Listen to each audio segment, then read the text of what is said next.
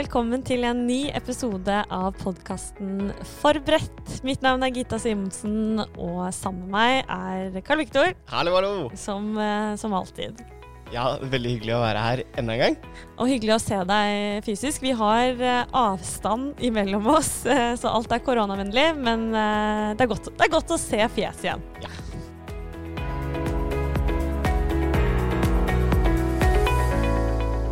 Og hva er det vi skal snakke om i dag, Karl Viktor? I dag så skal vi snakke om sivilprosess. Eh, og det er jo et eh, veldig omfattende eh, fag som jeg i hvert fall syns virker eh, eh, litt eh, skremmende. fordi det er så ja, innfløkt og stort. Men til å hjelpe oss gjennom denne jungelen, så har vi deg, Morten Sensrup. Sjølveste. Morten. Sjølveste. Du er jo hovedgrunnlegger av SANS. Ja da, det er jeg. Veldig hyggelig at du, du, har lyst til å være med oss eh, her i dag. Kan du fortelle litt kort om eh, deg selv? Ja da. Jeg eh, startet SANS for 32 år siden. Da hadde jeg vært stortingsrepresentant, og så skulle jeg gjøre noe når jeg ble stor. Da skulle jeg starte advokatfirma.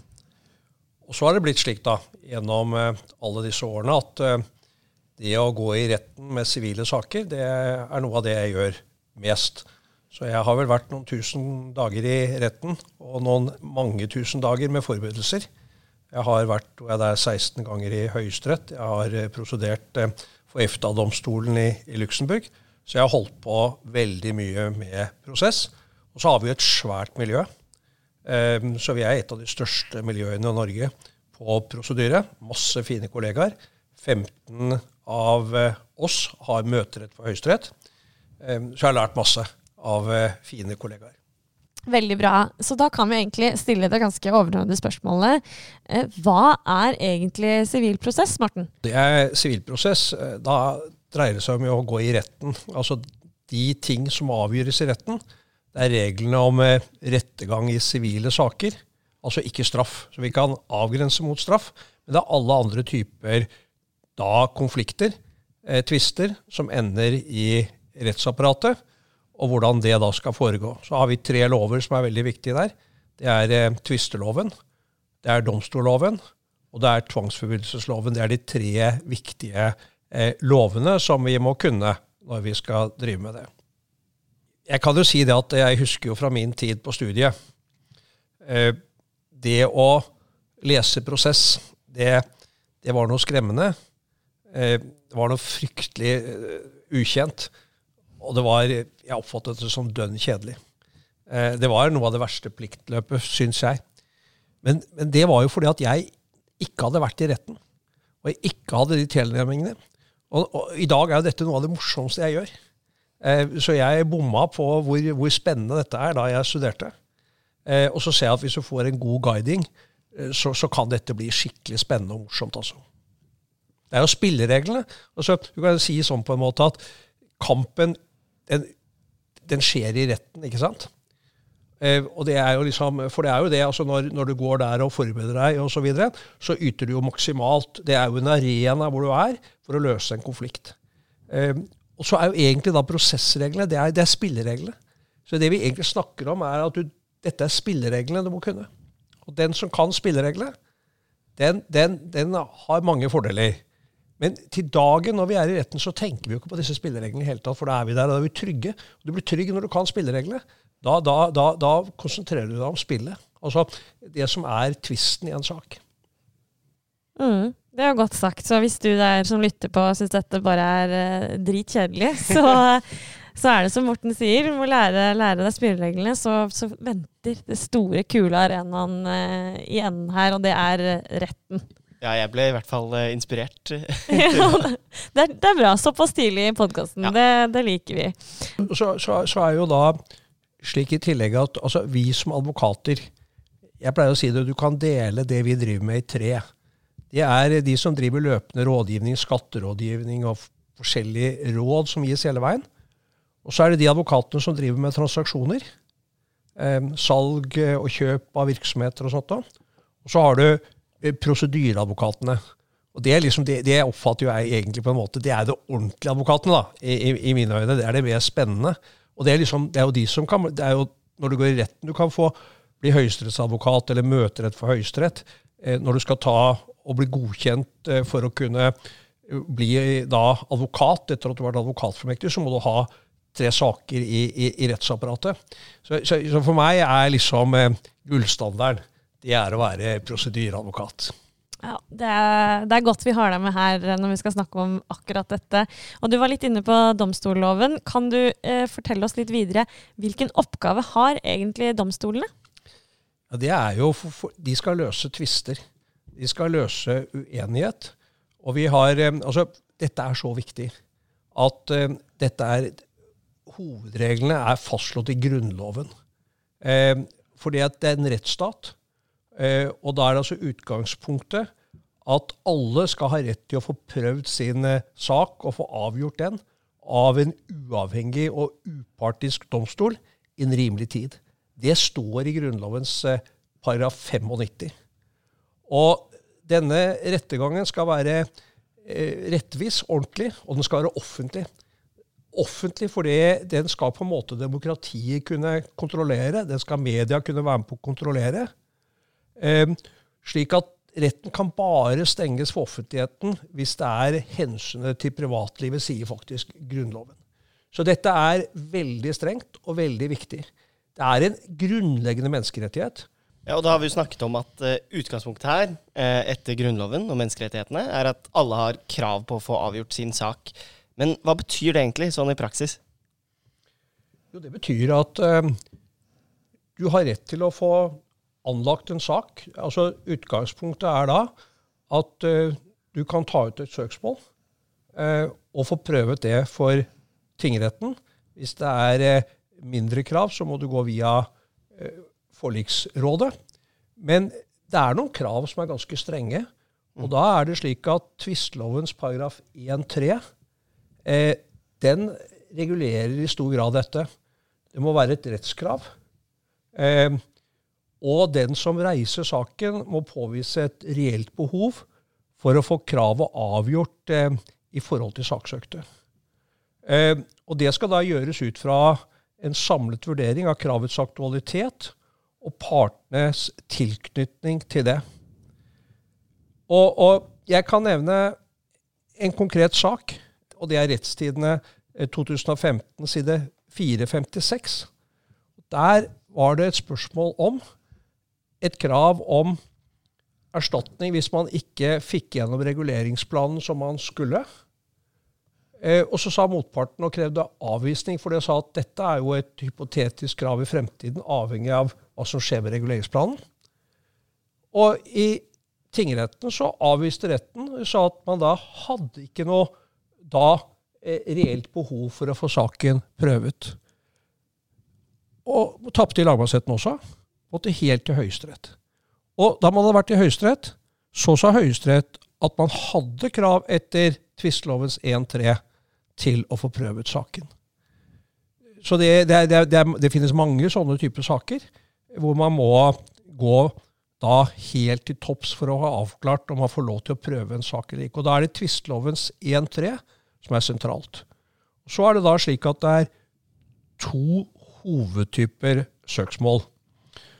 Vi har noe som vi kaller fastsettelsessøksmål, som eh, fastslår om det består noe rettsforhold mellom partene, og hva det går ut på.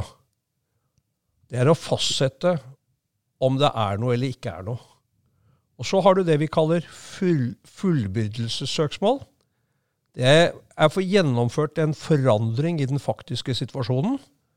At noen eh, plikter å foreta noe, F.eks. at de plikter å betale deg noe fordi retten har kommet til at, eh, at du skylder motparten skylder penger. Eller at man skal unnlate noe. Eller at man skal tåle noe. Slik at det er da det vi kaller fullbyrdelsessøksmål. Eh, og der kommer, når vi skal se på det, så kommer også tvistelovens 1913 første ledd inn, som går på at rettslig avgjørelse som påligger noen en plikt til å foreta, unnlate eller tåle en handling, kan da fullbyrdes etter reglene i tvangsforbrytelsesloven. Det er slik at Hvis du får en dom på at noen er pliktig til å betale noe, ja, det var også etter tvisteloven. Og så kan man da, med henvisning til tvangsforbrytelsesloven, så kan man gå til namsmyndighetene og få hjelp til å gjennomføre det. Så har du da en tredje type søksmål. Det er eh, rettsendringssøksmål. Eh, endre den rettslige posisjonen mellom partene. F.eks. For foreldreansvar er et eksempel. Og så er det jo Jeg opplever av og til at folk kommer og så sier du jeg må ha hjelp fra deg fordi at jeg har rett til å forlenge avtalen. Men det står ikke noe om hva den forlengede avtalen skal gå ut på. Mm. Eh, jeg må anlegge søksmål for å få det fastsatt. Motparten vil ikke snakke med meg. Det er ganske utfordrende, og antagelig i de fleste tilfellene. Da kan du ikke gå til, eh, til domstolen. Fordi det er en såkalt interessetvist. Og interessetvister, det kan ikke domstolen ta stilling til. Så hvis jeg skal ta det litt mer i forhold til dette, denne tvistelovens paragraf 1-3, og så 1-4, det er hvem som kan gå til søksmål. Det går 1-4 inn på. Vi har en helt ny avgjørelse fra Høyesterett. Eh, det er HR 2021 417 P. Og når det står P, så betyr det at det er plenum. Da har Høyesterett i plenum tatt stilling til det. Og det er en sak hvor Nei til EU har gått til søksmål mot staten ved Utenriksdepartementet.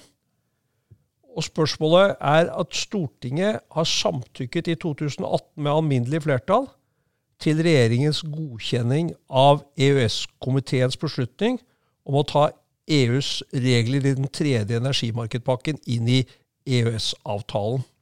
Det er Grunnlovens paragraf 26 av andre ledd. Og så tok da organisasjonen Nei til EU og reiste sak mot staten med påstand om at staten pliktet å unnlate å gjennomføre energimarkedspakken i norsk rett. Så ble det gjort gjeldende at det dreide seg om suverenitetsavståelse, og at Stortingets samtykke derfor skulle ha vært gitt i medhold av Grunnlovens 115 med tre firedels flertall i Stortinget. Altså, de sa du, dere har jo da bare Stortinget har vedtatt dette med alminnelig flertall. Skulle hatt tre fjerdedels flertall. Og da det søksmålet ble tatt ut for tingretten, så sa tingretten ja, vi er enige med Utenriksdepartementet om at dere har ikke rettslig interesse. De fikk altså ikke, e, e, Nei til EU fikk altså ikke lov til å få dette søksmålet inn for tingretten. Så anket de til Høyesterett. Etter å ha vært i lagmannsretten. De tapte i lagmannsretten, og så kom de til Høyesterett. Og den dommen er ganske ny. Og der ble det 17 dommere i Høyesterett. Og der ble det da et flertall, et mindretall. Tolv dommere i flertallet og da sa førstevoterende det er avgjørende for meg at det ville være klart uheldig og uhensiktsmessig eh, om det omstridte, uavklarte og prinsipielle rettsspørsmålet som her er reist, ikke skulle kunne prøves rettslig fordi det ikke er truffet et konkret vedtak som har direkte betydning for en parts rettsstilling. En slik rettsinstand vil i realiteten kunne innebære at det ikke være mulig å gjennomgå søksmålet og få avgjort et rettsspørsmål med betydelig samfunnsmessig interesse. Og så sa førstevoterende etter dette er det i avsnitt 187 etter dette er det min oppfatning at nei til EUs søksmål skal fremmes. Og så i avsnitt 188 det ligger i det jeg allerede har sagt, at aktualitetskravet etter min mening er oppfylt, og tilknytningskravet er oppfylt, jf. den gjennomgangen som dommeren hadde av tvistelovens 1-4. Det som er poenget der, der kom altså Nei til EU og sa at man ville ta stilling til et mer prinsipielt spørsmål, ikke knyttet til en konkret sak. Og Så sa altså flertallet ja, det er greit. Du får lov til det. Så du får lov til å, å fremme det. For flertallet sa at hvis dette skal knyttes til en konkret sak, så kommer det kanskje ikke opp noen sånne konkrete saker. Og da får man ikke prøvet det.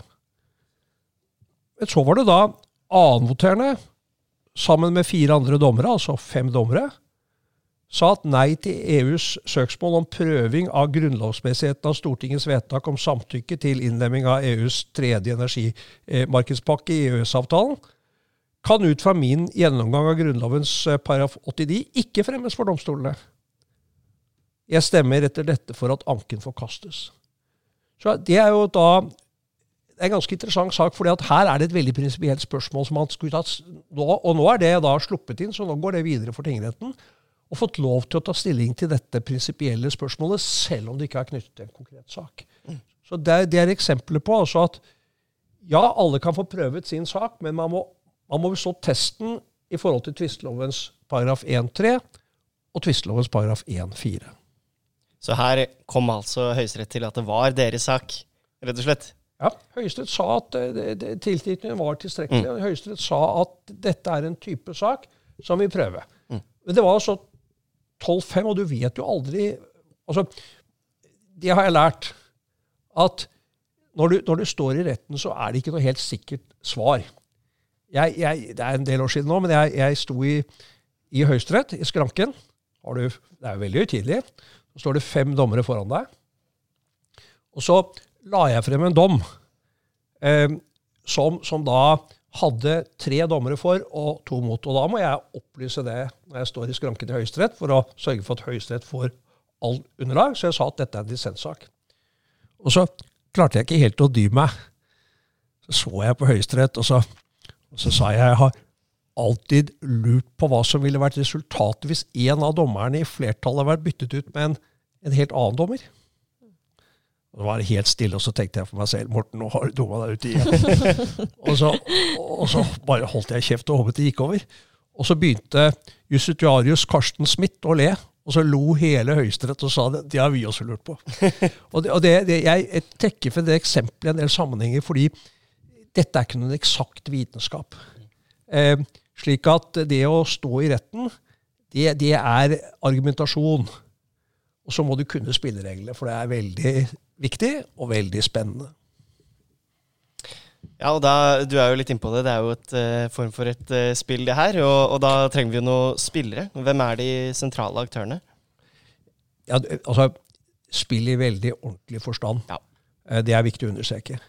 Og det er jo partene, da, som kan være da fysiske personer. og det er sammenslutninger, aksjeselskaper og sånt, da, som er parter. Og så er det prosessfullmekter, som er advokater. I dag har vi jo et advokatmonopol. Og loven bestemmer jo en del om, om, om disse forholdene. Og eh, partsevne, som er i tvistelovens eh, paragraf 2-1. Og så har man kapittel 3 om prosessfullmekter og rettslige medhjelpere. Jeg må jo si det at jeg syns at dagens tvistelov er ganske godt bygget opp. Det er ganske logisk. Det er, det er mye greiere å følge den enn den eh, tvisteloven som, som, jeg studerte, så er det fordelen Dagens lov er, er pedagogisk bygget opp. Det, det syns jeg den er. Ok, og da går vi litt videre til hvor, altså, hvor skal selve rettssaken anlegges? Ja, det har vi jo egne bestemmelser om. Og da har vi flyttet oss til kapittel fire, eh, som da har eh, regler om saklig og stedlig domsmyndighet. Og dette er ganske viktig. I paragraf 4-4 i tvisteloven så er det det alminnelige vernetinget. Eh, og det er da eh, fysiske personer. Det er der de har bosted. Mens eh, for registrerte foretak, aksjeselskaper osv., så, videre, så er det hvor de har hovedkontor. Skal du gå til eh, sak mot staten, så er det Oslo som er vernetinget. Og så er det også slik at eh, man har noen valgmuligheter å avtale om dette. Og så er det da internasjonale verneting. Fordi det som jo vi ser Norge har en veldig åpen økonomi. Vi har masse handel med utlandet. Og hvis vi kommer i konflikter med, med internasjonale selskaper, så vil vi jo fryktelig gjerne få det inn i Norge. Og Derfor har du i tvistelovens 4.3 internasjonalt verneting. Eh, og Der er det slik at tvister i internasjonale forhold kan bare anlegges for norske domstoler når saksforholdet har tilstrekkelig tilknytning til Norge. Og da er det tilknytningsforholdet til Norge som er avgjørende. Og så har vi en veldig viktig bestemmelse i tvistelovens 4-8 hvis du er opptatt av internasjonale forhold. Og det er Lugano-konvensjonen av 2007. I den bestemmelsen så er det vedtatt, rett og slett, at Lugano-konvensjonen gjelder som norsk lov. Og det er Her er det mye komplisert og spennende jus. Jeg har eh, bistått på en sak nå som, var, eh, som brukte halvannet år på eh, å avklare om vernetinget var Norge eller ikke. Eh, da går det altså sånne saker De starter i tingretten. Eh, så går de til lagmannsretten, og så går de helt til Høyesterett. Og først når det har vært i Høyesterett og fått en avklaring om det da er verneting eller ikke, så kan man gå tilbake til tingretten og starte behandlingen av saken. Så, så, det er altså veldig viktig. Og her er det veldig viktig ikke å trå feil. Eh, og det har jeg sett noen ganger. At eh, hvis man ikke kan disse reglene veldig godt og er veldig nøye, passer på, så, så, kan, eh, så kan, dette være ganske ille. Og det vil jo da eh, innebære f.eks., hvis jeg har forstått det riktig, da, at en eh, kontraktstvist mellom to internasjonale aktører, hvor den ene er eh, norsk og forholdet f.eks. For handler om eh, forretning som drives i Norge, så eh, skal da saken behandles av norske domstoler med da norsk bakgrunnsrett. Ja. ja. Og, det, og, dette kan jo være litt også, Dette er jo ofte avtalt i kontrakter, men ja. ikke alltid. Eh, men, men, men, men, her må man gjøre en veldig grundig jobb, og særlig internasjonale forhold. Mm. Eh, men igjen, det kan ha betydning hvilket sted Jeg var borti en sak nå hvor det var spørsmål om eh, å velge mellom Og her var det også midlertidig forføyning samtidig. Eh, og da var det viktig å få den Og det var knyttet til eiendom. Og da er det spørsmål om det er eiendommens verneting, eller om det er da hovedkontoret til, til saksøkeren og hvilken man velger og sånt. Det kan være taktisk, for det er ikke til å legge skjul på Vi opplever det i hvert fall som advokater ofte at du går på hjemmebane og bortebane. Mm. Hvis du saksøker eh, på den saksøktes, for det er det du normalt må gjøre, eh, da verne ting, så, eh, så, så, så, er du liksom på deres hjemmebane og på din klients bortebane. Så det er en del betraktninger du må gjøre der. Eh, dommerne skal jo være helt eh, uavhengige, men eh, men eh, vi er jo mennesker, og det er ikke alltid alle følelser vi styrer, er bevisste på. Så det ligger en del eh, taktiske vurderinger her, og en reelle vurderinger. Ja, Skal vi gå videre til å snakke litt om eh, forberedelse av saken, når man går inn mot eh, og faktisk bringer dette inn mot eh, domstolen? Og Der er det både det som heter allmennprosess, altså de mer vanlige rettssakene, og så har du eh, småkravsprosess. Og jeg kommer til å ikke behandle småkravprosessen. Jeg kommer til å ha den allmenne eh, da, prosessen. Og Da er det jo slik at vi kan starte med visse plikter forut for eh, saksanlegg. Og det, Da er vi i kapittel fem. Og da er det slik at eh, i dag, før du går til søksmål, så skal du etter para 5-2 gi varsel om krav og grunnlaget for kravet. Det skal du gjøre. Eh, nå er det slik at Hvis du ikke har gjort det, så blir du ikke stoppet av den grunn, men det er ryddighet, og det er loven. Det kan ha betydning for saksomkostningene. Og så er det paragraf 5-3. Du har plikt til å opplyse om viktige bevis. Og det er faktisk ganske strengt i dag. Det er ikke slik i dag, for sånn var det under den gamle loven, men i dagens lov så har du en sannhetsplikt. Du kan altså ikke gå til søksmål og i hvert fall kan ikke vi advokater uten å bryte eh, regler for god advokatskikk. Du kan ikke gå til sak og så holde tilbake viktige dokumenter. Du skal også eh, opplyse om viktige bevis om de er til fordel for din klient eller ulempe. Det er ut fra en plikt til at vi skal sørge for at det er et riktig beslutningsgrunnlag. Og dette er blitt eh, da strengere og strengere. Og så har vi 5-4 som sier at man skal ha forsøk på minnelig da, løsning, og se om man kan få til det. Og Det vil si å, å, bli enig, rett og slett? Ja, ja det betyr det. ikke sant? Nå, nå, nå, er det jo som veldig ofte da slik at når man er kommet så langt, så har man jo som regel prøvd seg. Sånt, men man bør helst vise en reell vilje til det. det, det, er, det er dommere som vil eh, det, det, Som ikke vil synes noe særlig om, Mm. hvis du ikke har prøvd å, og finne løsninger. Og det er selvfølgelig litt avhengig av om det er et lite fillesak, eller om det er en stor prinsipiell sak hvor det er vanskelig å, å bli enig.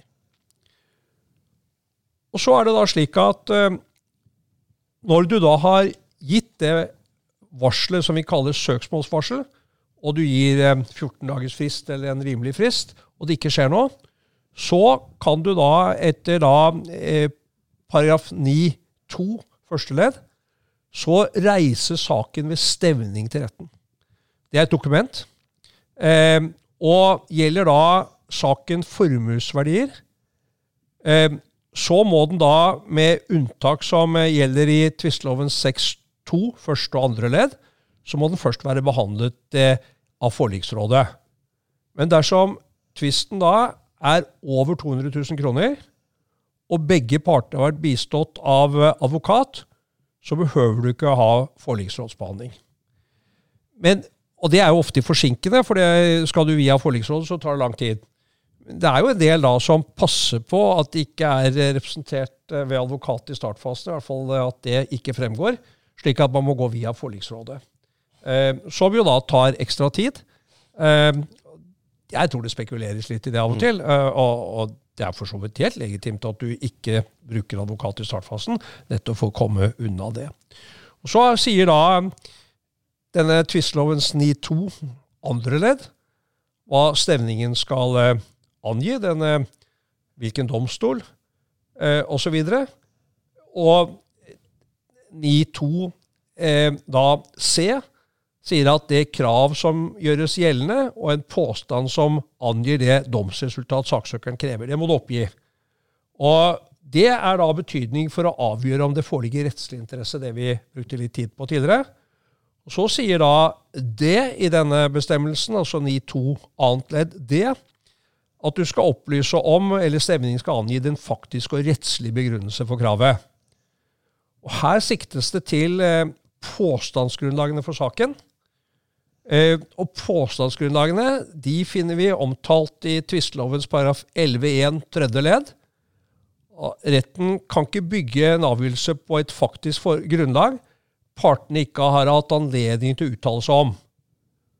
Eh, I så fall må retten gi veiledning.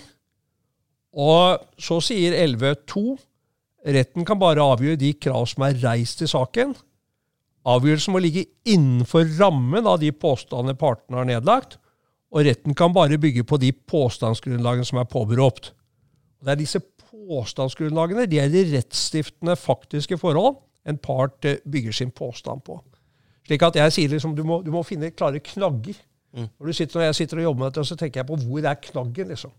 Hvor du altså har det faktiske grunnlaget og, og, og de rettsreglene. Det som altså da skaper det rettsstiftende faktiske forhold. Altså, igjen, du sier at det er inngått en avtale. Ja, Da er det jo viktig å så finne frem til liksom, eh, ja, hva er det avtalt, da? Og når ble det avtalt?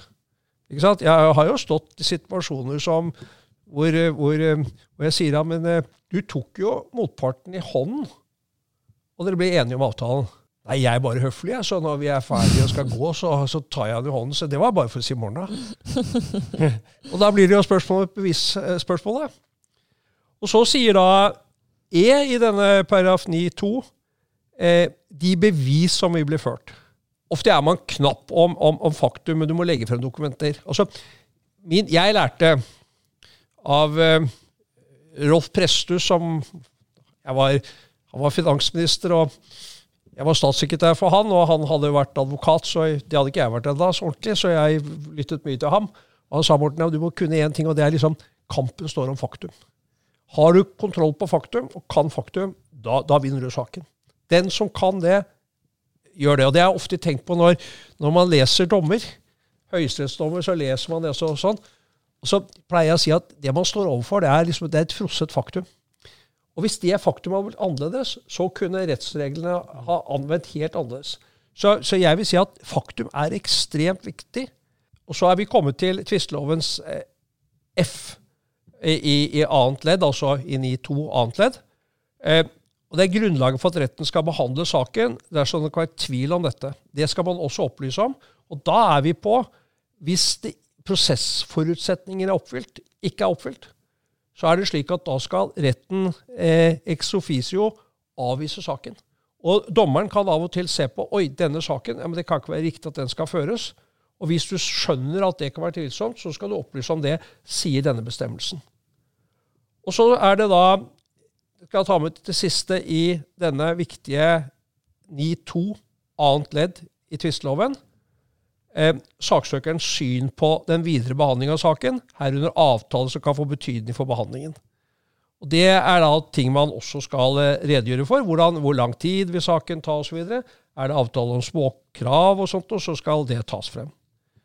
Og det som er poenget da, at denne stemningen den skal gi grunnlag for å avgjøre de materielle spørsmålene i saken. Det som er liksom de virkelige viktige tingene. Mm. Og når, når, da det kommer en slikt uh, stemning inn til retten, så skal jo dommeren da i første omgang se på om det er grunnlag for å akseptere at den har kommet inn. Kan være allerede at man ser at uh, det er ikke grunnlag for den. Uh, det var en del av det jeg har vært igjennom skal, som skal gi dommeren grunnlag for å vurdere. Har man brukt advokater, så pleier jo de å være så proffe at de på en måte har passet på at dette kommer ordentlig til. Men det er nok en del som tar ut uh, stevninger for egen hånd, for det er lov til også å være selvprosederende. Da er det av og til at man ikke helt har tatt poenget, og det er jo særlig de sammenhengene. Men da får da motparten da beskjed om at det er kommet inn en stemning, og så får man et pålegg om å gi tilsvar. Uh, og det gis ofte i to eller tre ukers frist. Av og til må man be om lengre frist, men det er en alvorlig frist, det. Og hvis man oversitter den, så kan man uh, da få uteblivelsesdom mot seg. Uh, hvis man da har passet på å be om det. hvis ikke man får et tilsvar. Og det er 9.3 i tvisteloven som, som, som, som, tar opp det. Og, og, og der skal man da si om man godtar eller bestrider det kravet, eh, og hvilke innsigelser man har. Og så skal man i, bør man, sier man, i tilsvaret angi da saksøktes påstand, hvilken faktisk og rettslig begrunnelse man har for påstanden, og også igjen hvilke bevis som vil bli ført i den sammenhengen. Så, så det er 9-3. Og da ligger det inne hos dommeren en stevning og et tilsvar. Da skal dommeren Sette i gang. sette i gang, ja. Og da skal han, og der er loven Den er slik at man oppfordrer, og der dommerne skal være mer aktive enn de ofte er, for de skal drive saksstyring. Og da er det også slik at eh, de skal da innkalle ganske raskt til planmøte hvor de skal da gå etter det er vi i paragraf 9-4. Og i paragraf 9-4 så er det listet opp hva man da skal behandle i dette eh, planmøtet. Og da, når det er gjort, så har vi lagt et løp. Da er det ofte slik at retten finner ut eh, når omtrent saken skal behandles. Man diskuterer etter planlegget hvor mange dager som skal settes av, eh, og hvor mange prosesskrift som skal skrives osv. For da, det som skjer da etter det planmøtet, det er at da forbereder man saken videre i form av prosesskriv. Og man utveksler det. Det er altså skriv til retten, som vi sier prosesskriv, som da er behandlet i kapittel 12.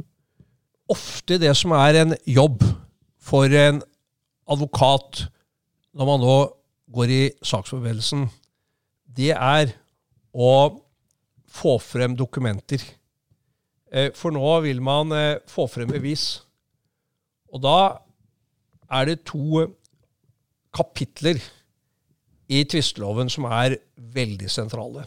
Og dette kan de gode advokatene, eh, og dette bør man bruke tid på å kunne forstå for å kunne ivareta klientens interesser om å få frem dokumenter. Og det er da slik at Kapittel 21 den har alminnelige regler om bevis.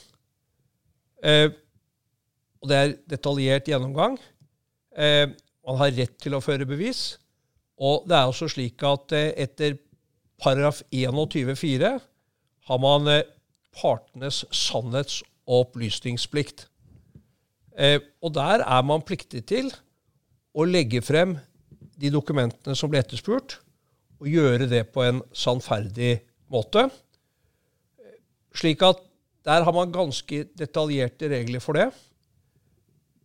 Og så har vi et viktig kapittel 22. Det er bevisforbud og bevisfritak.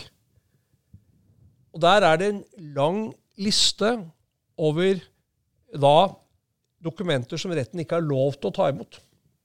Hvis vi starter med 22.1. Det er bevisforbud om opplysninger av betydning for rikets sikkerhet eller forhold til fremmed stat. Og Da står det rett og slett at det kan ikke føres bevis om noe som holdes hemmelig av hensyn til rikets sikkerhet eller forholdet til fremmed stat. Så kan kongen samtykke i at beviset føres. Jeg holder på med en sak nå hvor det er spørsmål om, for at vi skal få belyst den saken godt ut, at vi bør ha tilgang til dokumenter som er hemmelige. Og da er det slik at det er, det er, er ganske stor utfordring når statlige myndigheter sier at dette er dokumenter de ikke vil legge frem. Retten kan ikke ta stilling til det. Hvis de sier det, så kommer du egentlig ingen vei. Så har du 22.2. Det er bevisforbud om drøftelser i regjeringskonferanser. Det betyr altså at hvis man vil gå mot staten og man gjerne vil vite hva regjeringen har sagt om det, så har man altså en bestemmelse at det kan man ikke. Så er det 22.3. Det er en mye mer praktisk som kan dukke opp i veldig mange saker. Det er altså Det kan ikke føres bevis når dette vil krenke lovbestemt taushetsplikt for den som har opplysninger som følge av tjenester eller arbeid for stat eller kommune, eh, familievernkontor, tilbyder av pottjenester osv. Det er den bestemmelsen. Eh, slik at da går du på spørsmålet om å krenke taushetsplikten.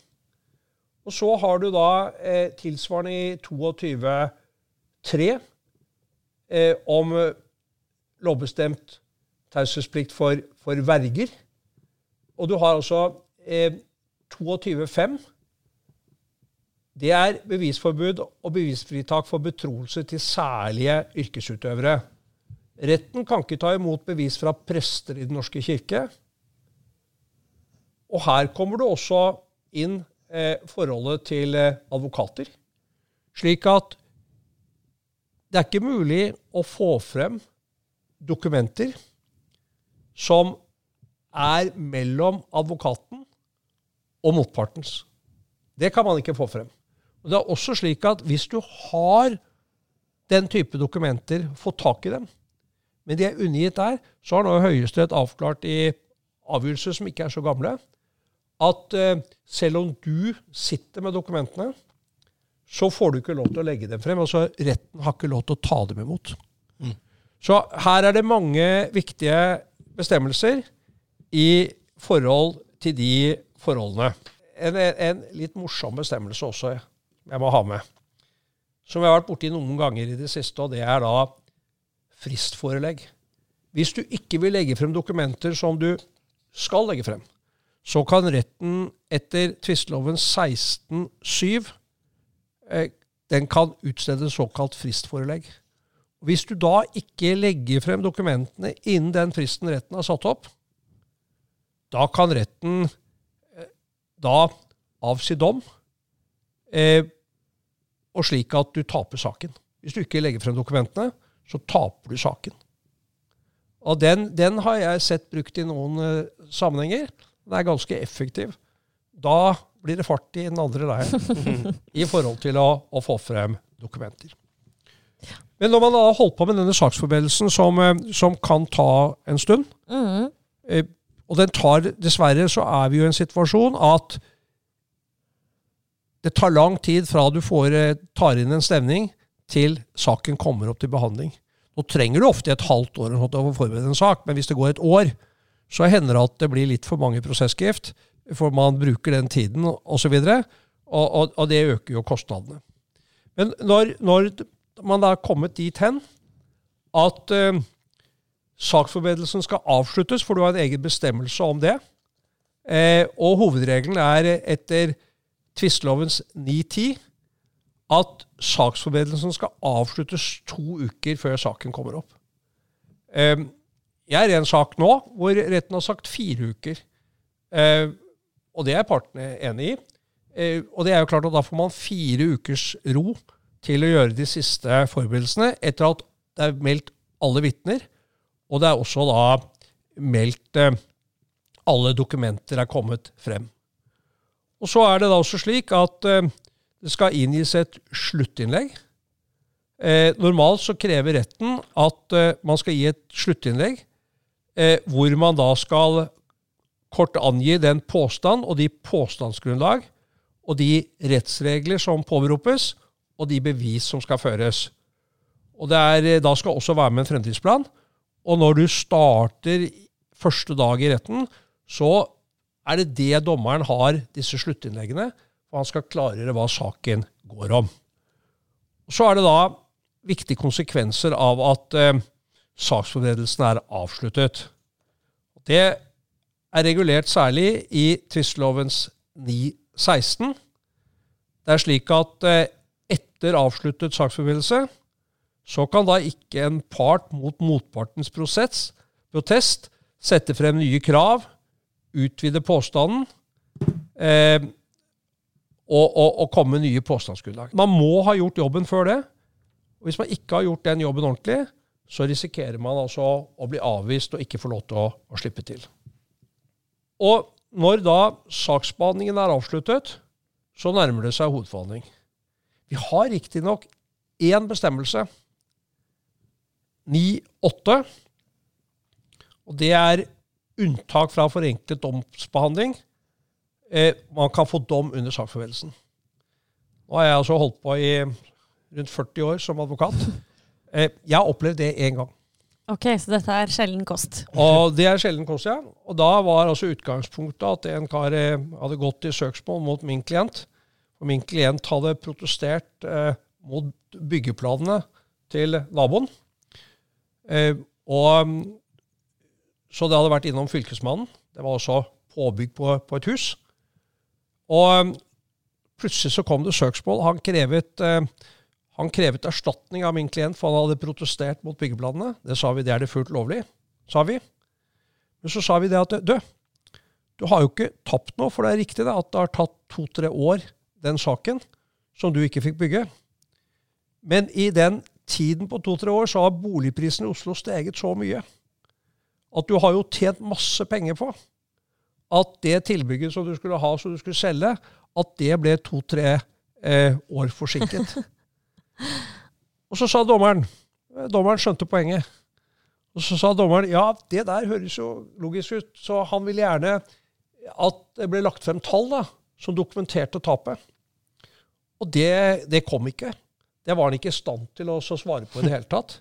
Stakkars fyr. Brukte, da, da, brukte da, eh, eh, da brukte da domstolen, tingretten, og avsa dom etter 9-8, konkluderte med at selv om det hadde tatt tid, om det mm. hadde vært feil eller ikke, det bød ikke retten gå inn på. Her var det ikke noe tap. Mm. Og det var helt, helt klart. Jøss. Yes. Jeg, jeg, følte litt for han mannen ja, nå som ikke fikk bygge ut uh, kjelleren sin. Ja, han fikk jo bygge. Ja, og så hadde han jo ikke noe men, men det tok, kom tre år senere. Ja, ja, og så tjente han masse ekstra penger på det. Ja, ok da. Men, men poenget var jo at eh, eh den som hadde protestert, fikk delvis medhold fra Fylkesmannen, så var det helt legitimt. Det var ikke noe sjikanøst. Men poenget var ikke noe tap. Og det er hva jeg bruker det som en illustrasjon. For den eneste saken jeg i 40 år har, jeg, som jeg kjenner til, hvor, eh, hvor, jeg har opplevd at den eh, bestemmelsen har vært brukt. Og da er det jo litt artig å ja, referere til det. Det er alltid bra med litt praktiske eh, eksempler der. Eh, nå har vi jo snart kommet oss til altså dette med gjennomføringen av hovedforhandlingen. Eh, og den skal vi fortsette med i episode to av eh, denne podkast... Ikke podkasten, episodeserien om sivilprosess. Så det er bare å rett og slett trykke på play i neste episode. Um, så skal vi fortsette der, ikke sant? Ja.